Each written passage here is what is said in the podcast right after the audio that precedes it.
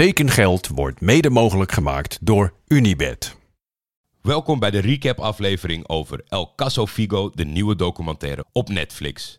Hij duurt maar liefst 1 uur en 44 minuten. Het is echt een, een, een flinke zit. En daardoor ga ik ook niet zeg maar scène voor scène recappen zoals we dat altijd doen. eh, zoals ik met Alex Mazereel doe bij Mokro Mafia Taxi Talk. Of hoe we nu een beetje uitgebreid praten over de All or Nothing serie van Arsenal.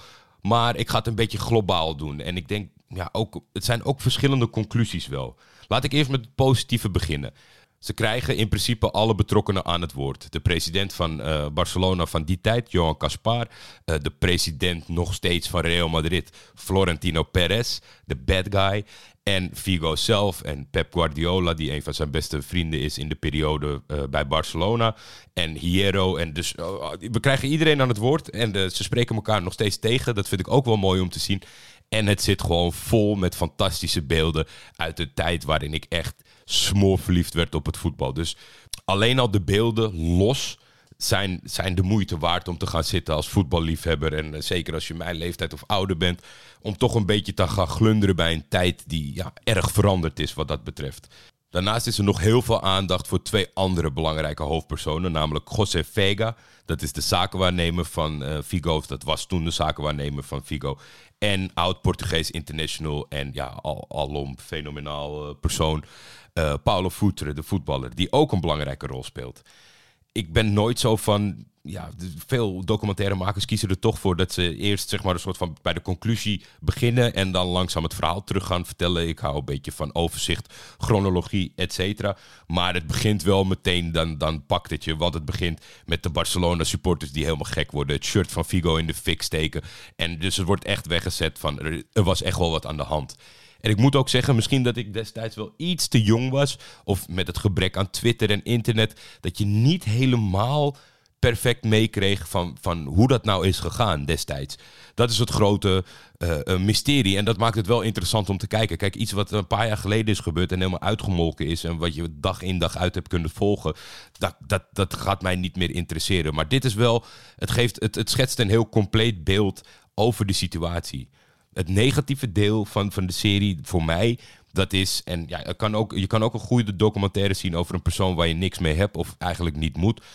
Mijn conclusie over de persoon Figo is best wel hard in de zin van dat ik het wel een afgrijzelijke situatie vind hoe dat eh, eh, heeft plaatsgevonden.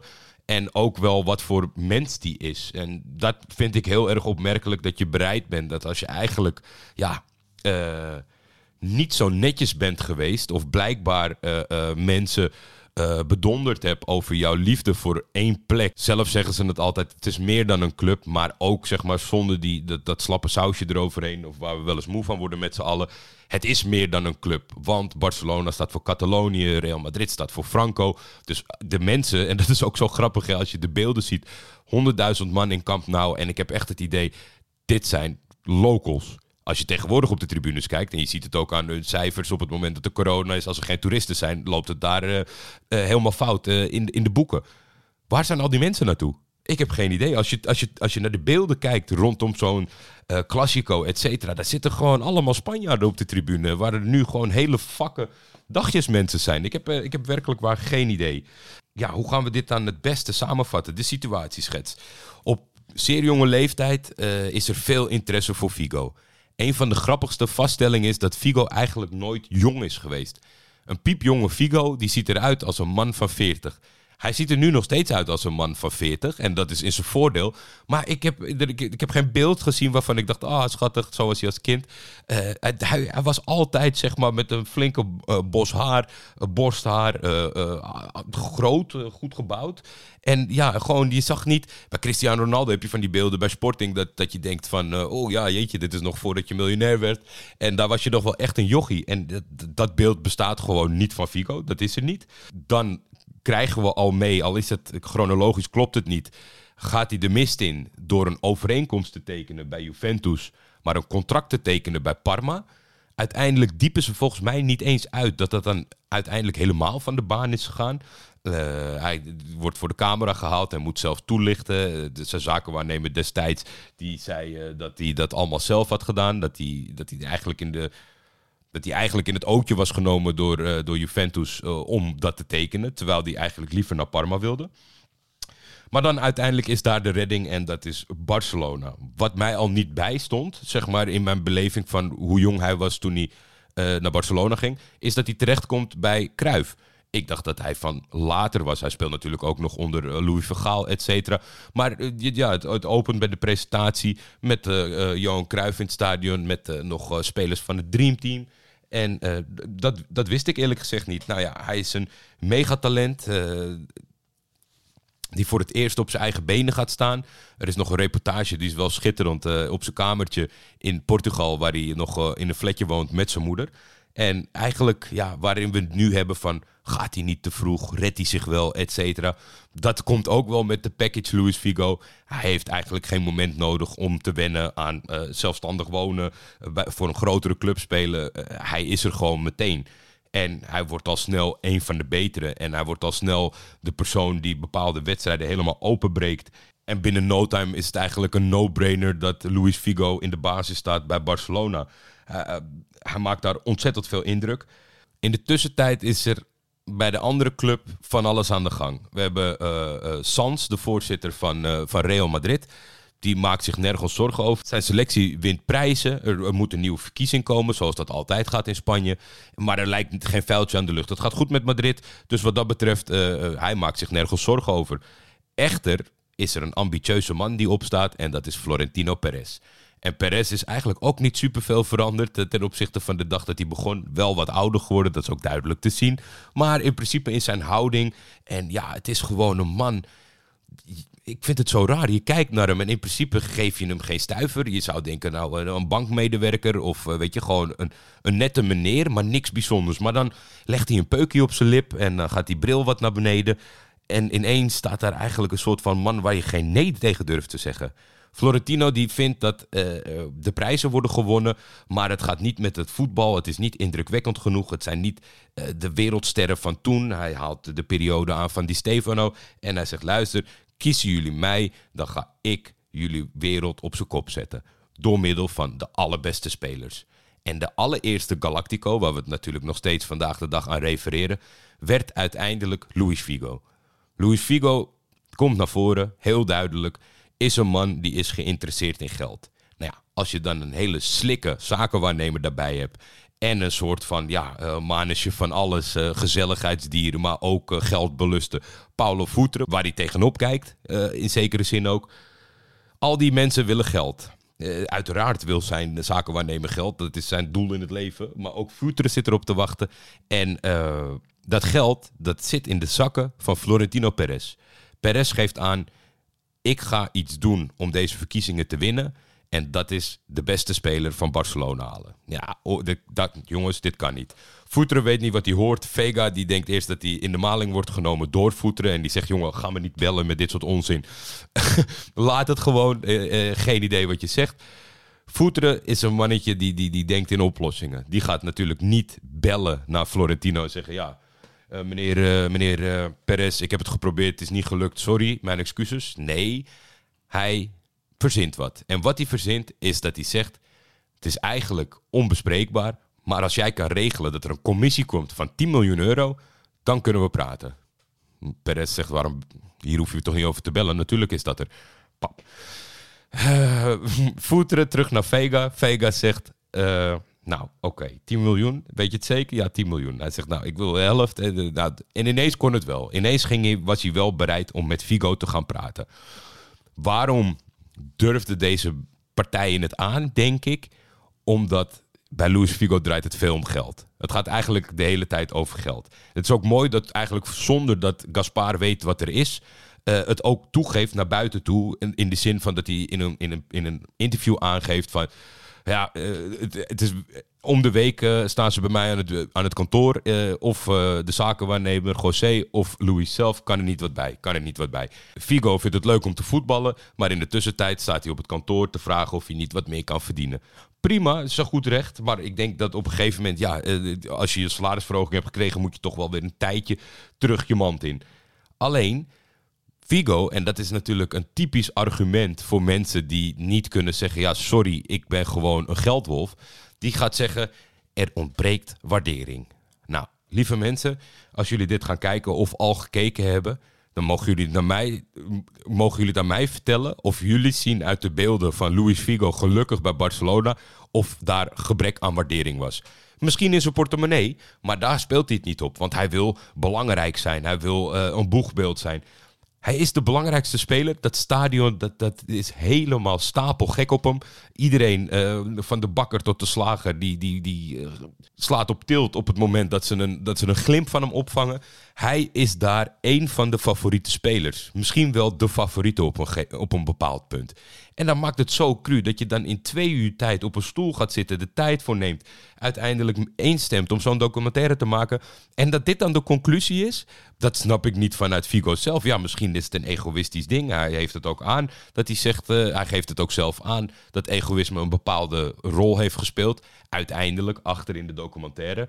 Maar het lekt op een gegeven moment, uh, het, heel lang blijft het binnenskamers, maar op een gegeven moment lekt het. Sainz die weet van niks nog en die ziet ook nog niet, uh, die, maakt zich niet erg, uh, erg zorgen om de andere kandidaat Perez. Sainz zijn dochter gaat trouwen met Michel Salgado, leuk detail, vond ik. En op de dag van de bruiloft beslist een Madrid-minded journalist om het te gaan lekken. En wordt hij er dus op die speciale dag mee geconfronteerd. En moet hij natuurlijk daar meteen op reageren en mensen te woord staan. Er is vooral ongeloof aan de kant van Barcelona, als de, even goed aan de kant van Real Madrid.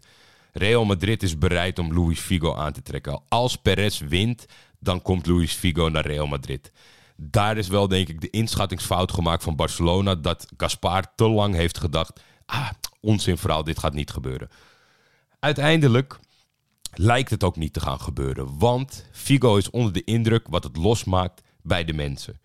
En hoe kan je nou jaren later gaan beschouwen en hebben over het gebrek aan waardering bij een stad, bij een club? Op het moment dat je zelf hebt meegemaakt hoeveel jij voor die mensen betekent. Want als, als je geen waardering had of als ze jou niet moesten, waarom staat die hele club dan in de fik? Letterlijk iedereen is aangeslagen, woest. En, en ja, je belandt natuurlijk na het lekken daarvan tenzij je het heel goed kan ontkrachten, zit je eigenlijk al in de situatie dat je alleen maar kan gaan.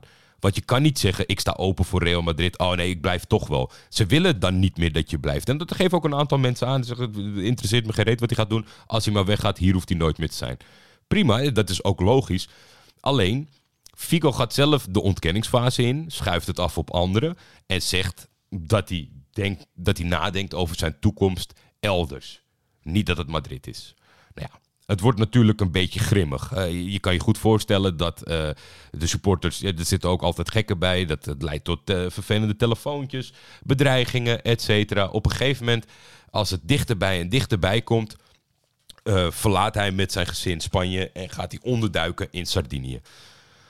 Hij geeft zelf aan, ik ga niet. Uh, de rest zegt, nou, je gaat wel. Op de achtergrond wisten ze ook dat hij wel de intentie had. Want hij doet het heel erg voorkomen alsof dit allemaal is ja, geregeld door zijn zakenwaarnemer. Dat die de schuldige is, dat die de toezegging heeft gedaan. Maar welke zakenwaarnemer gaat nou zonder overleg dat soort dingen doen? Hij zegt, het enige dat ik heb gezegd, ga maar met clubs praten als Barcelona niet meer wil betalen. En hij wist ook donders goed waar het, uh, waar het uiteindelijk tot ging leiden. Uh, astronomisch salaris, waarvan hij nu terugbeschouwend zegt... misschien had het ook wel bij Barcelona gekund. Dus ja, hoe astronomisch was dat?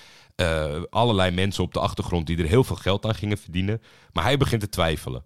En die twijfel, ik weet nog steeds niet of hij oprecht is. Kijk, ik kan, iets dat ik wel geloof is dat je de impact uh, niet goed kan inschatten. Dus als er dreiging is voor jouw gezin, voor jouzelf, als je niet meer prettig over straat kan, dan snap ik dat je gaat twijfelen. Die geloof ik wel. Maar de twijfel om in Barcelona te blijven, omdat, je, omdat het de club van je hart is, omdat je hebt eh, gezegd: ik wil, ik, ik wil sterven voor dat shirt die geloof ik echt van geen kant. Uiteindelijk beslist hij, omdat het hem te heet onder de voeten wordt, om een reportage te maken. En dit is echt krankzinnig. Daags voor de verkiezingen in Madrid gaat hij in de lokale pers een gigantische reportage maken. waarin hij een shirt van Barcelona aantrekt. waarin de kop is: Ik blijf. Perez, dat zie je voor het eerst. Ondanks, kijk, uiteindelijk heeft hij ze gelijk gehaald. Dus hij doet er wat luchtig. Maar daar zag je voor het eerst wel in de beelden vanuit de oude tijd dat hij, dat hij een klein beetje dacht van, oh, dit gaat niet goed. De, hij heeft namelijk naast zijn toezegging op een gegeven moment van, als ik president word, haal ik Figo. Heeft hij ook door een leugentje van een journalist zichzelf moeten opzadelen met de contributie van alle leden voor het jaar daarop. Hij zegt, als Figo hier geen speler wordt de dag dat ik win, dan betaal ik al jullie contributie. Dat had de journalist zelf verzonnen in de uitzending. En een paar weken later maakt hij daar gretig gebruik van om te zorgen dat de, de stemming wat rustig wordt en dat hij nog steeds kans maakt om te winnen als, uh, als nieuwe president van Real Madrid. Maar dan komt dus dat uh, stuk uh, in de pers, hij met die foto. En dan merk je toch ook vanuit het stukje waardering en hoe gek ze op hem zijn bij Barcelona. dat de supporters en de betrokkenen een beetje zoiets hebben van: nou ja, oké, misschien was hij een beetje in de war, misschien is hij gek gemaakt, kom dan maar thuis. En dan is eigenlijk het verhaal waar we nooit van zullen weten wie de waarheid spreekt. Gaspar zegt: Ik word gebeld door Luis Figo. En die zegt tegen mij: Ik heb hier twee tickets in mijn hand. Eentje die gaat naar Barcelona. En eentje die gaat naar Madrid. Als jij deze avond nu telefonisch geen toezegging doet voor een bankgarantie van 3 miljoen euro. en een opwaardering van mijn salaris, vlieg ik nu naar Madrid. Gaspar, ik moet wel zeggen, redelijk stoïcijns. Niet een hartelijke man, maar ik geloofde hem wel op, op het moment dat hij zei van... Jongen, fijne reis naar Madrid. Telefoon op te horen. Vond ik, wel, ik vond het wel impressive. Aan de andere kant zegt Luis Figo, dit gesprek heeft nooit plaatsgevonden. In de compleetheid van de serie neig ik naar Gaspar. Maar ja, we weten natuurlijk ook dat Gaspar niet de allerbeste voorzitter was van Barcelona. Dus misschien.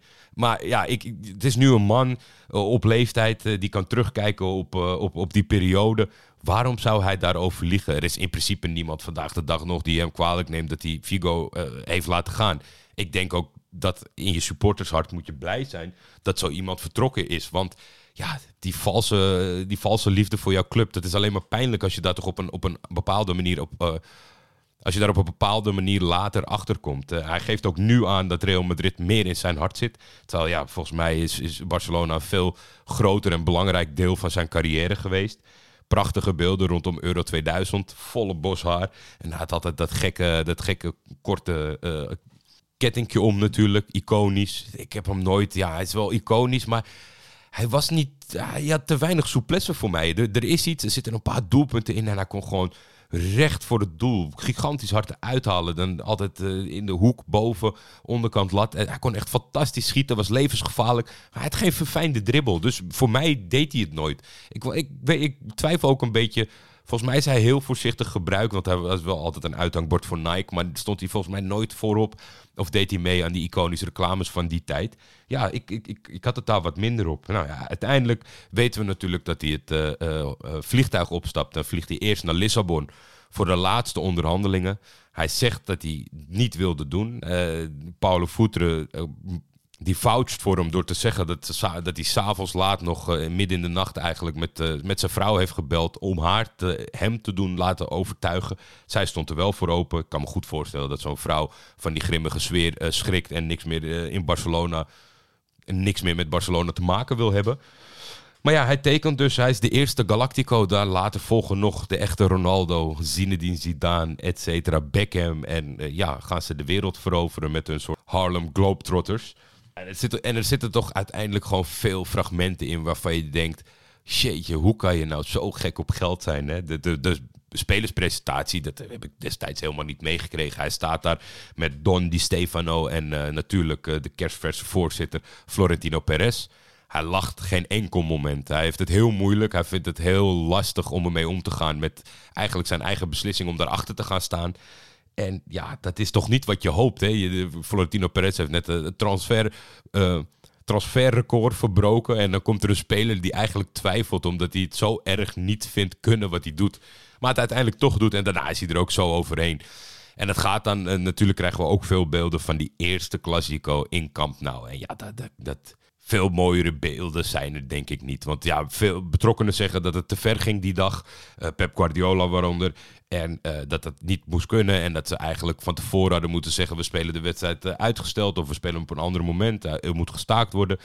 Ik vond het uiteindelijk nog wel meevallen. Als nou ja, ik weet, kan me echt niet voorstellen. Ik deed dat tijdens het kijken wel de, de situatie. Kijk, in, Turkije is natuurlijk wel eens iemand overgestapt van Galatasaray naar Fenerbahce. Over het algemeen zijn dat niet de beste spelers of met een tussenstation, et cetera. Die hebben toch nog zwaar te verduren en echt wel zwaarder dan dat hij het had. Alleen wat het zo mooi maakte, vond ik, van de beelden van die mensen die... Ja, omdat het gaat over jouw volk en jouw stad. Die het, was, het was pure, pure haat wel. En dan ja, niet op een lelijke manier tot uiting, maar gewoon dat je ziet dat mensen pijn hebben, zeg maar. Kijk, je kan wel een speler haten, ongefundeerd. Dat is niks. Maar hier zie je gewoon mensen die het vanuit diep uit hun hart of tot aan, uit hun tenen uh, een haat hebben voor wat jij ze hebt aangedaan. En ja, oké, dat, er, dat er een plastic bekertje naar de, naar de cornervlag gaat. Wow. Eh, het meest iconische was natuurlijk die varkenskop. Maar dat, dat vind ik ook gewoon het leuke in het geheel. En daardoor weet je ook dat gewoon mensen een keer boos waren. Want anders zou je natuurlijk bepaalde uh, patronen zien. Maar dat was gewoon echt letterlijk alles en iedereen wat ze in hun handen of zakken hadden. Dat hebben ze op dat veld gegooid. En allemaal biljetten werden er gegooid. Het meest iconische is natuurlijk die varkenskop. En, uh, maar volgens mij zijn er ook nog andere Spaanse worsten. En uh, ja, echt alles, zonnebloempitten, alles wat ze hadden. Dat ging die hoek in. En ja, dat is natuurlijk... Barcelona wint de wedstrijd. Gaspar zit daardoor fijn. Perez neemt het verlies ja, hij oogt, hij oogt alsof hij het professioneel oppakt, maar dat doet hem natuurlijk wel pijn. Ja, kijk, zijn, zijn, zijn streek was om de aardsrivaal een loer te leggen. En als je er dan ja, in de eerste rechtstreekse confrontatie uh, ten onder gaat, dan is dat toch natuurlijk een beetje, een beetje pijnlijk als je uh, zoveel geld hebt geïnvesteerd in jouw slinkse plannetje. Later scoort Figo natuurlijk namens Real Madrid tegen Barcelona. En eh, dat wordt nog een beetje samengevat in de klassico's van de jaren daarop. Maar dat is ook, en dat maakt het ook mooi, want weet je, we, zijn in een tijd waarin al die supporters geweld en lelijk gedoe moeten we week in week uit afkeuren. Dat, dat wordt steeds gekker, zeg maar, wat dat betreft. Maar hier bleef het ook bij. Weet je, en eh, ja, als het gewoon zo'n één gekanaliseerd door honderdduizend man één zo'n moment is. Ja, nou ja, als je dan het alsnog niet vindt kunnen, dan uh, verschillen we daar gewoon qua blik op. Al met al samenvattend, zeker kijkadvies om het op te gaan zetten. Het is wel een lange zit, zoals ik aangaf. Um, genoten van veel. En uiteindelijk voornamelijk gewoon ja, niet genoten van Figo zelf als, als man en waar hij voor staat. Maar dat heeft verder inhoudelijk niks te maken met mijn conclusie over of deze te kijken is of niet. Heel veel plezier als je het nog gaat kijken. Ik kan me voorstellen dat je het eerst bent gaan kijken en nu pas bent gaan luisteren. In dat geval, dank je wel ervoor en tot de volgende.